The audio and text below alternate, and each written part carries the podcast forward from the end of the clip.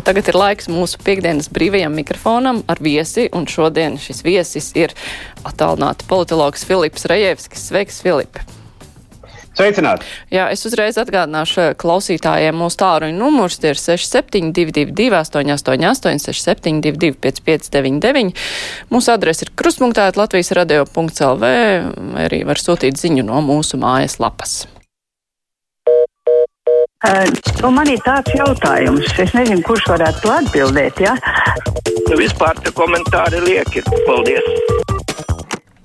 Klausītāji jau ļoti daudz zvana un arī raksta. Un, ja, interesanti, pirmās vēstules ir jau reaģējot uz to, kas skanēja ziņās, nu pat 12. par to, ka ir paredzēts atbalstīt baznīcas pandēmijas laikā, nevis paredzēts, bet tieslietu ministrija rosina piešķirt 250 tūkstošus eiro. Mums klausītāji raksta tā, vai tā mūsu valstī baznīca nav nodalīta no valsts, ka tā būtu jāstutē no mūsu nodokļiem. Tādas pirmās neapmierinātās vēstules.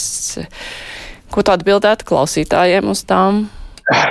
Nu, es domāju, ka te nevar nepiekrist uh, klausītājiem, ka baznīca ir un mūsu satversme paredz to, bet uh, redz, politika jau ir politika, un te uh, katrai politiskajai partijai gribās atrast savu drošo vēlētāju, jeb arī drošo metodi, kā sasniegt vēlētāju. Un baznīca un baznīcas kungi ir viena no tām, teiksim tā, viens no tiem mēdījiem, kas ļoti spēcīgi var ietekmēt vēlēšanu rezultātus. Un no laika gala viņi ir ietekmējuši vēlēšanu rezultātus, jo cilvēki tomēr viņus uzskata par ļoti cienījamiem cilvēkiem un uzklausa viņu teiksim, tā, padomus, arī politiskos. Un te ir tā, tā, tā lieta, ka šīs, šis atbalsts ir tīri nu, mēģinājums noslēgt darījumu ar šo mēdīju, lai viņi arī pēc tam saka paldies šai politiskajai partijai, kura ir uh, nodrošinājuši šo finansiālo atbalstu. Tādā veidā šī partija cer uz, protams, balsīm nākošajās vēlēšanās. Mm -hmm. Es pacelšu klausulu. Halo! Labdien! Labdien! Man ir reiz kungam ļoti liels jautājums.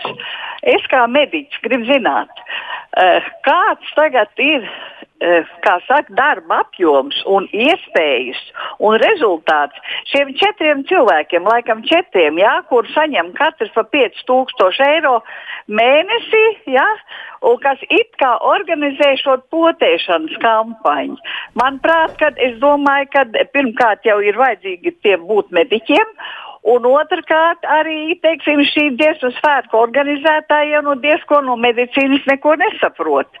Un man liekas, ka ministrs ir pietiekami gudrs un pārējie tie, kas darbojās ministrijā, ir spējīgi to darīt. Un to naudu viņi varētu izlietot kaut kur citur. Paldies! Mm -hmm. Tas par vakcinācijas nu. biroja liederību.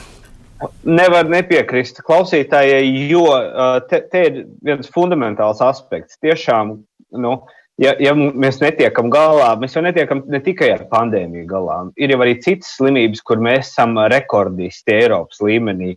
Un katru reizi šīs slimības apkarošanai taisīt nemedicīnisku biroju, nu, teiksim tā, mums tādas mums naudas valstī nepietiks visus šos birojus uzturēt. Tāpēc es domāju, ka tomēr tā bija milzīga kļūda no, no politiķa puses, jo ir lietas, kur ir jāuzticas mediķiem tieši mediķiem, tiem cilvēkiem, kas uz vietām strādā ar šiem pacientiem, kuri dien dienā ir acis pret aci gan ar pandēmiju, gan ar vīrusu, gan ar šo cilvēku, kurš ir saslims, jeb kurš var saslimt. Un es domāju, tieši uzticēšanās šiem cilvēkiem, un es domāju, ka te arī varēja būt arī finansiāls, protams, papildus injekcijas, lai šie cilvēki, kuri ir pārstrādājušies, piemēram, ģimenes ārsti dien dienā, lai viņiem, nu, teiksim tā, uh, at, viņus atbalstītu, viņu praksi atbalstītu. Es domāju, tas efekts būtu stipri lielāks nekā izveidot nemedicīnas darbinieku biroju, kurš šobrīd man tāda sajūta, vismaz es pats vakar uh, pieteicu, uh, mēģināju pieteikt cilvēku uz vakcināciju, pensionāru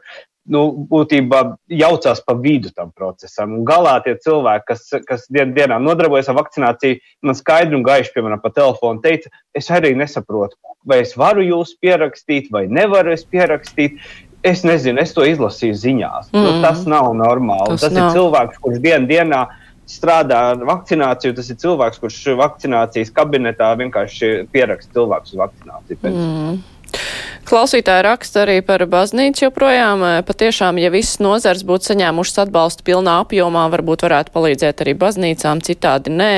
Cits raksta, baznīca ir atdalīta no valsts, IKP nedrīkst celt savu reitingu uz baznīcu lauku tantīšu rēķina. Otrs luterāņu vanaks visu pats ir nolaidis līdz kliņķim neprasmīgas saimniekojot. Viņš beidzot jānomaina. Nu, nezinu, baznīcas lietās jau nu gan arī valstī nevajadzētu uh, jaukties iekšā, bet uh, klausītāji cita vaicā, kā Filips vērtē Lemberga prāvu, ne, bet uh, Lemberga turpmāko tiesāšanos, vai varam cerēt, ka viņš patiešām saņems pelnīties sodu un atsēdēs. Arī citi klausītāji vaicā, ko tad Rejevskis saka par šo prāvu. Viņš vienmēr bijis politikas vērotājs, taisīs arī kampaņas un domāju, zina lielu daļu slēptās virtuves. Jā, nu, paldies par komplimentiem, par tām zināšanām. Es teikšu tā, tā, tā, pirmā lieta, 12 gadu prāva pati par sevi jau ir daļa no soda. Un viņa īstenībā ļoti lielā mērā bija neutralizējusi Aivaru Lembergu, uh, jo, jo viņam bija jānodarbojas ar šo prāvu, kas īstenībā uh, aizņēma, es domāju, ļoti daudz viņa laika un, un, un, un neļāva uh, viņam darīt to, varbūt, ko viņš gribētu darīt. Tā ir pirmā lieta. Tā otrā lieta, kas man satrauc, ir, uh, lai nebūtu tā, ka tas, ka viņu tagad kā drošības līdzekli, tas jau nav sots, ko viņš tagad ir dabūjis. Viņš ir dabūjis tikai drošības līdzekli, vai nav tā, ka drošības līdzeklis ir sots, jo ir kaut kādas bažas, ka viņš varētu teiksim, tā, uzvarēt tiesā valsti, un, un, un tā arī to, teiksim, tā, tas, tas spriedums nekad nestāties spēkā. Uh, nu tad tas īsti nav ok, jo, jo būtībā sots ir sots, drošības līdzeklis ir drošības līdzeklis, un tās lietas nevajag, nevajag jaukt. Un es domāju, ka tiesāšanās vēl būs ilga un, un, un dikta, un es domāju, ka viņš arī ies visdrīzākais uz Eiropas cilvēktiesību tiesu. Un te jābūt, es domāju, no valsts puses trīs tik uh, akurātiem un uzmanīgiem pieņemot lēmumus, lai nebūtu valstī jāmaksā kompensācijas kaut kādas. Tā kā es domāju, ka te ir vēl ļoti liels darbs darāms gan prokuratūrai, gan valstī kopumā. Mm -hmm. Tā klausītājs, cits klausītājs Viktors raksta, finansiāla palīdzība baznīcām ir ļoti atbalstāma. Viena no nedaudzajām institūcijām, kur vēl cīnās par cilvēcisko vērtību saglabāšanu, naudas un ļaunuma pārņemtajā pasaulē. Tas ir, lai parādītu, ka ir arī citi viedokļi. Es pacaušu klausulu. Halo! Halo! Labdien! Labdien! Nu, es esmu kristiete, katoliete Esmu nostrādājusi vairāk kā 40 gadus, un tagad esmu pensijā. Kārtīgi maksāju nodokļus, saņemu normālu pensiju, no kuras joprojām valsts paņem nodokļus. Tad sakiet, lūdzu, kā jūs mani gribat atdalīt no šīs valsts? Un baznīca, es gribu pateikt, manā mūžā ir bijis garīgais atbalsts, ir sevišķi, ka 25, 45 gados zaudēju vīru un paliku ar divām meitām. Psihologs man nespēja palīdzēt, bet baznīcā es guvu mierinājumu. Un otrkārt, tā ir kultūras celtne. Es jau no bērnības klausījos garīgo mūziku, kur baznīcā spēlēja ērģeles. Tāpēc lūdzu nesteidzieties. Un te iepriekšējā stundā tas nu, antropologs salīdzināja ar sabiedriskām organizācijām. Tā paskatieties, cik no valsts budžeta caur tā pašo integrācijas fondu saņem sabiedriskās organizācijas. Viņas jau saņem no valsts. Mm -hmm. Un, acīm redzot, atbalsta atbalstu jā, baznīcām. Jā, bet es gribētu atgādināt, ka uh, baznīca tiešām nav sabiedriska organizācija, jo baznīca attiecas arī attiecīgas uh, nodokļu likumdošanas atlaides. Tā kā uh, nav jau tā, ka valsts neatbalsta uh, baznīcu kā, kā kultūras sastāvdaļu, kā uh, teiksim, tā mūsu sabiedrības kaut kāda tradicionālo vērtību nesēja, bet tas, par ko ir runa, un tas, tas, tas par ko arī es domāju, antropologs runāja, baznīcai nav jānodarbojas ar politiku. Baznīcai jānodarbojas ar to, ar ko viņa nodarbojas, to, ko kundze teica. Baznīcai jāatbalsta sabiedrība, ja cilvēks meklē psiholoģisku atbalstu. Protams, baznīcai ir milzīga nozīme šai, šai jomā, un daudz cilvēku gūst šo atbalstu, taču baznīca nav politiska partija, un viņai ar politiku nav jānodarbojas. Mm -hmm. Nu, vēl klausītājs zvana. Halo! Labdien! Labdien! Nu, es gribētu tiem latviešiem, kas tagad ir sapriecājušies, ka nu, būs tagad taisnīgums un likumība. Nu, Lembergs ir utubunga salīdzinot ar valsts pasūtījumu monopolistu, konto būvu bindēs saimniekiem, salīdzinot ar naudas mazgātājiem un uzturēšanas atļauju tirgotājiem, ABLV un Rietumu banku īpašniekiem. Nu, tie, tie ir noziedznieki, tie ir tiešām noziedznieki, ārkārtīgi bīstami. Mm -hmm. Komentārs? Nu, ko es tur varu komentēt? Vienmēr, teiksim tā, tā, tā vieta tukša nekad nepaliks. Mm -hmm. nu, vēl viens zvans. Hello! Halo. Labdien! Labdien! Labdien! Es gribēju par Juhņeviču teikt. Abi, abi divi ar Pavļuku jādzen prom sen jau. Mm -hmm. Cik sen, ne tik sen viņi tur atrodas, lai varētu sen aizdīt projām, bet, nu, viedoklis tur ir skaidrs. Bet, nu, jā, nu, par to jau mēs runājam. Klausītāji rakstā, ka tā ir stereotipiska domāšana par tām baznīcām 30 gadu ceļus dievkalpojumiem. Nekad, nekad neesmu dzirdējusi aģitāciju par kādu partiju, ne Rīgas draudzē, ne lauku draudzē. Kādu risinājumu tad ieteiktu viesis mācītāju atbalstam?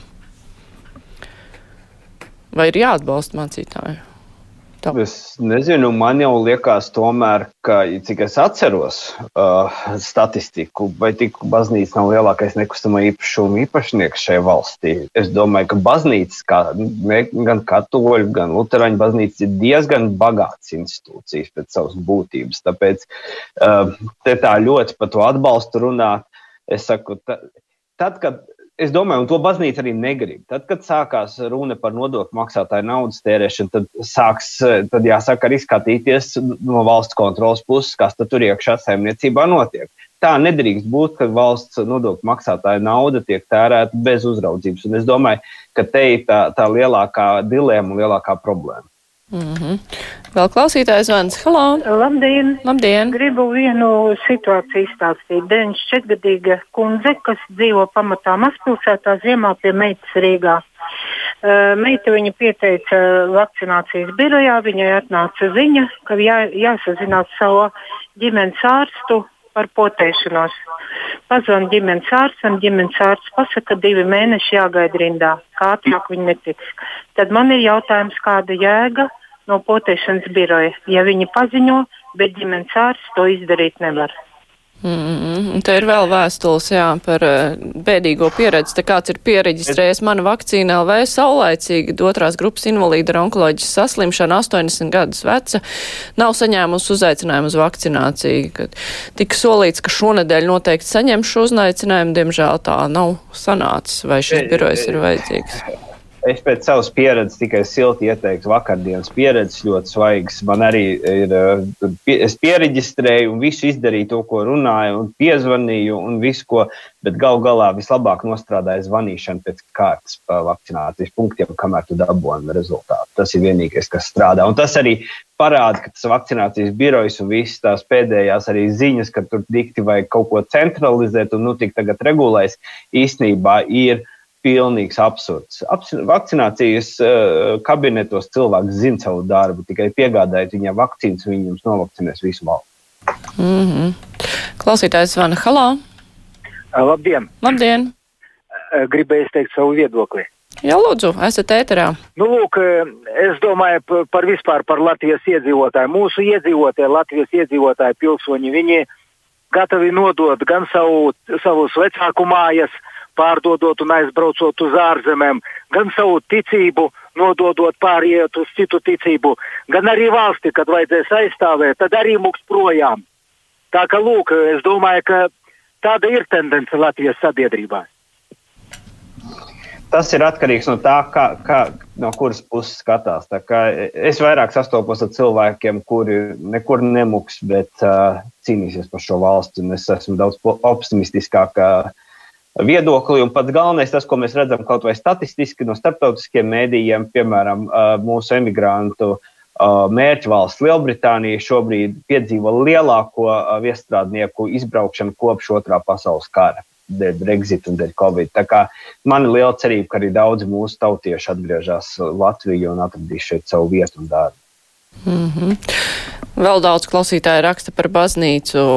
Klausītājs raksta, ka, ja baznīca ir lielākais nekustamo īpašumu turētājs, tad uh, jāatceras, ka šie valsts nozīmes kultūras pieminekļi ir jāuztur, bet laikā, kad Covid dēļ cilvēki tās neapmeklē, baznīca ēkas to tomēr ir jāuztur. Un Ojārs raksta, ja baznīca atdalīta no valsts, tad uz baznīcu nedrīkst attiecināt arī valdības pavēles, vai tad tie nabaga nodokļu maksātāji paši neapmeklē koncerts baznīcās vērzem turistiem būtu interesanti vienmuļā Latvijas ainava, ja tur nebūtu arhitektūras šedevru baznīcas veidu, vied, veidolā. Cita klausītāja raksta uz baznīcu, vai tad iet citplanētieši, nevis valsts iedzīvotāji, ja valsts uzliek ierobežojums baznīcai, tad jāsniedz arī atbalsts tāpat kā atbalsta privātu biznesu. Šis temats ir ļoti uh, cilvēkiem, var redzēt, nu, interesants un svarīgs, uh, ļoti liela rezonanse. Par ko tas liecina? Ne, es, es domāju, tas, tas ir diezgan normāli, ka ir liela rezonance šim tematam. Tomēr ticība ir liela, liela vieta arī mūsu sabiedrībā. Kaut gan daudz mēģina teikt, ka te nu, ticīgo nav, bet es, un, un, bet es tomēr domāju, ka tam, tam ir ļoti liela nozīme un ļoti nopietna vieta. Uh, mūsu sabiedrībā. Tāpēc arī labi, ka šāda diskusija, jo šāda diskusija arī darbojās kā tāds zināms lakmus papīris, kurš parāda sabiedrisko domu, sabiedrības viedokli par vienu vai otru potenciālo valdības lēmumu. Tas ir tikai apsveicami. Mm -hmm.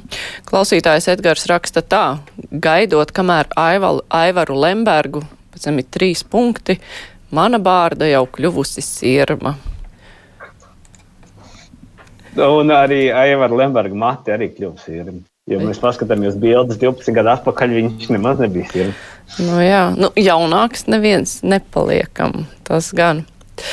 Tā klausītāja raksta par vakcinēšanu. Seniors saņēma uzaicinājumu izziņā no mana vakcīna LV, tad, kad jau bija vakcinēts. Interesanti gan. Es pacelšu klausulu. Halā! Uh, labdien! Labdien! Es gribēju iemest uh, akmentiņu vakcinācijas dārzā. Ļoti plaši izreklamēts, ka var vakcin, uh, vakcinēt ģimenes ārsti. Piezvanīju savas ģimenes ārstei vienu dienu, pieregistrējos otru dienu atteica, jo uh, Rīgas pilsētā lielākoties ģimenes ārstiem ir ļoti maza uh, telpiņa nu, kabinets. Un uh, obligāta prasība ir 25 kvadrātmetri.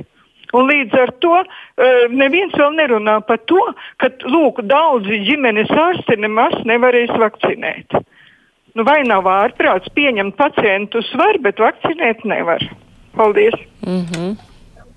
Ne, nu, tur var daudz absurdu, protams, daudz absurdu. Mēs jau esam redzējuši arī, kā citās valstīs vakcinē speciāli uzbūvē kaut kādas pagaidu telts, vēl kaut ko lielām kvadratūrām, jeb arī izmanto sporta zāles, uh, sadala ar pagaidu sienām. Viss, vis, kas tiek darīts, bet uh, par nožēlu ne pie mums.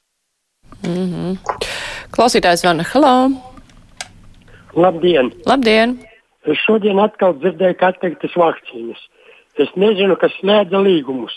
Ja jau mums to vakcīnu pēc cilvēka mirst, vai arī ko uh, soda sankcijas saņem tie, kas ražo. Jo atdot jau tām valstīm, kas vairāk maksā, kā tā Lielbritānija un citas valsts jau tik daudz savakcinējušies, mums to vakcīnu nepatīk. Pat varētu uzzināt, kas ir slēdzis un kādas viņiem soda sankcijas par neapgādināšanu. Sabiedrība gribētu to zināt. Nu, šķiet, ka šis ir viens no lielajiem noslēpumiem. Un es domāju, ka par nožēlu, ka mēs kārtējo reizi piedzīvojam situāciju, ka tos, kas rīkā, rīkojās, varbūt kļūdās, tos soda, kas nerīkojās, ne, teiksim, tā, par bezdarbību nesoda. Un tas, ka Latvijai, Latvija ir atteikusies no vakcīnām, jau desmit reizes ir ministrs veselības paziņojis to, ka tā ir kļūda, bet tas viņam netraucē visādi citādi attaisnot iepriekšējās ministras darbību un visādi citādi slēpt to procesu, kā ir notikusi atteikšanās no vakcīnām, kā rezultātā mēs atpaliekam visā Eiropā. Mm -hmm. nu, vēl klausītājs zvans. Halo! Uh, labdien! Labdien! Vai var uzdot jautājumu Filipam Rajevskim? Lūdzu, jūs jau esat ēterā. Mēs jau klausāmies uzmatī, uzmanīgi. À, jūs jau klausāties. Mm -hmm. es gribēju runāt par tādu lietu, par to uh, koronavīrusu ķēdes pāraušanu. Kā mēs viņu varam pāraut? Jo, teiksim, ne jau ar to, ka mēs tur aizklājam kaut kādas preces, ko nevar iegādāties. Mēs taču ļoti labi zinām, ka visvairāk saslimšana notiek mājsaimniecībā. Tas ir ģimenē, kur kāds ir saslims. Un Un, piemēram, es galīgi neesmu dzirdējis ne radio, ne televīzijā kaut, kaut kādu, teiksim, algoritmu, pamācību, vadlīnijas, kā rīkoties ģimenes locekļiem. Ko darīt? Man kaimiņos te divi starp dzīvoklī ir slims Covid slimnieks, ja? Viņiem telpas ir ļoti mazas. Tur vēl ir mazs bērns kā dezinfekciju nodrošināt, kā ēdināt, kā veidināt. Slimniekam ir augsta temperatūra, slimnīcu viņi neved. Šīs visas lietas būtu ļoti daudz sīkumos jāpārunā. Jā, paldies. Eh, es gan iebildīšu. Es esmu pati dzirdējusi, Latvijas televīzijā ir bijuši daudz sižeti par to, kā rīkoties, ja mājās ir slimnieks. Ir mēdī par to stāsta. Protams, ka tā ir ļoti sarežģīta situācija, ja mājās kāds ir saslimis. Un nevēlt arī tās viesnīcas tik ieviestas tajā pašā laikā, ja ir saslimušais, nu, kādam ir jāprūpē, ne katra ģimene ir gatava savus slimnieku aizsūtīt prom kuru nevar viņu pieskatīt un nevar sa saprast, kādā viņš ir stāvoklī. Tā kā tas ir, man liekas, ļoti sarežģīts jautājums par mājām un mājas apstākļiem. Ir ko piebilst? Es gan sāku Nav komentēt, lai gan jautājums bija nē, Filipam. Nav ko piebilst, bet es domāju, domāju nu, te viens ir, protams, es piekrītu, ka, ja ir mājās slimnieks, visdrīzākais saslims visi arī pārējie. Es domāju, ka tur īsti aizsargāties nevar. Pat gripas laikā parasti viens mājasemniecības loceklis atnes to gripu un visi arī izslimo, kur nu vēl ir tik lipīgi vīrusi kā šis. Taču te arī jāsaprot, ka cilvēkam protams, ārstēties mājās arī daudz patīkamāk un labāk, ja viņš var to izdarīt mājās. Jo, tas, jo vienmēr daļa no veselības ir arī psiholoģiskie momenti. Un nonākt slimnīcā tas nav tas patīkamākais, un tur tas psiholoģiskais spiediens ir daudz lielāks uz slimnīcu. Tāpēc nu, jācer, ka cilvēki var izslimot viegli un mājās. Jā, un uz slimī, slimnīcu arī neved, ja stāvoklis atļauj nevest. Mēs vairs tādu greznību arī pat nevaram atļauties Latvijā, jo vienkārši vietu trūkst. Klausītājs raksta tā, dzirdēju lielāko muļķību šodien. Ministrs ir pietiekami gudrs, bet vispār jūsu raidījums, kā arī jebkurš cits Latvijas radio raidījums, nav bijis un nevar būt objektīvs. Valdība jums dod naudu un valdības priekšā brīžiem paliek šķērmi klausoties. Tas bija viedoklis par Latvijas radio. Nu, nezinu, tad es, es tomēr atgādinātu, ka ministru neieceļ Latvijas rādio, bet ministru ieceļ parlaments, un parlamentu ievēl arī Latvijas rādio klausītāji. Jā, no, no citas puses raugoties, mums ļoti bieži arī pārmet, ka mēs pārāk kritizējam valdību, ka mums ir jāļauj valdībai strādāt, nevis teikt tik ļoti kritizēt. Tā kā visiem labs nebūsi. Nu, pacelšu klausumu. Halo! Labdien! Labdien! Es gribēju pateikt kungam Filipam, ka viņš uh, runā diezgan aprobežot, piedodiet man atklātību. Mm. Pateikt, ka baznīca kaut ko dara politiski aprēķinu dēļ, es vispār domāju, lielāku muļķību nevar pateikt. Baznīca ir garīga institūcija, un uh, svētajos rakstos ir tāds teiciens: cilvēks nepārtiek no maizes vien, un manuprāt, Latvijā ir par maz cilvēku, kuri spēj novērtēt baznīcas um, garīgo tēvu nozīmi.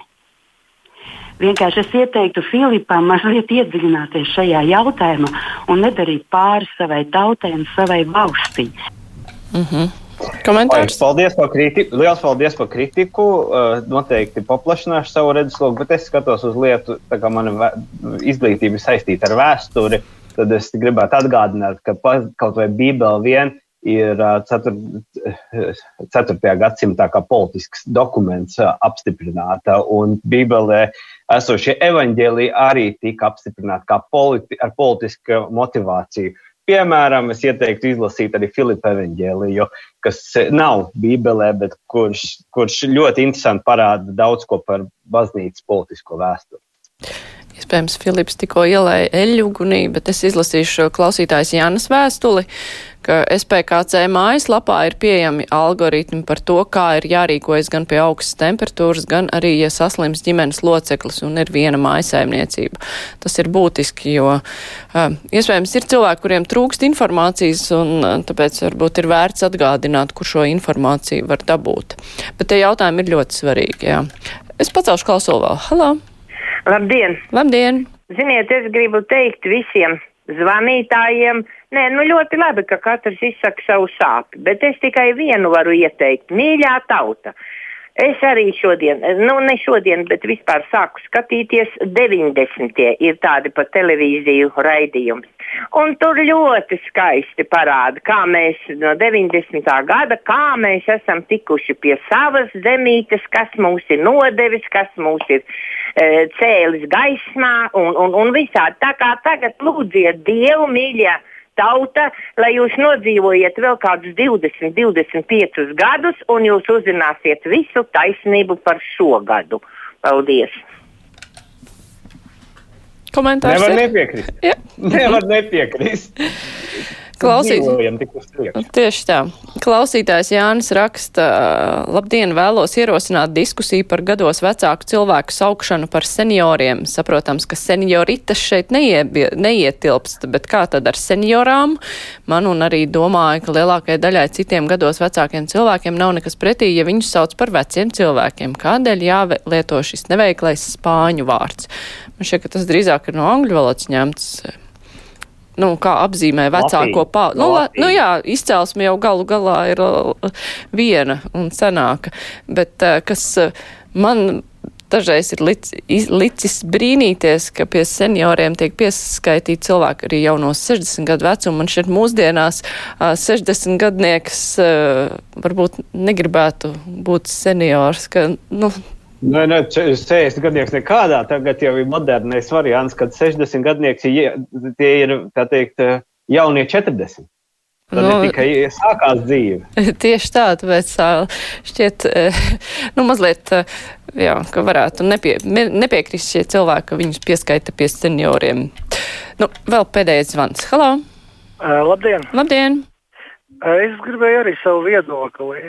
Šis te, šī te ziņa par to baznīcas naudu, ko tagad grasās piešķirt, piešķirt, tas vēl nav skaidrs, ir klasisks piemērs tam, kā sabiedrībai novērš uzmanību no lietām, kas eh, varas eh, pārstāvjiem ir nevēlams. Nu, šī uzmanība no nebūšanām ar, ar, ar vakcināciju.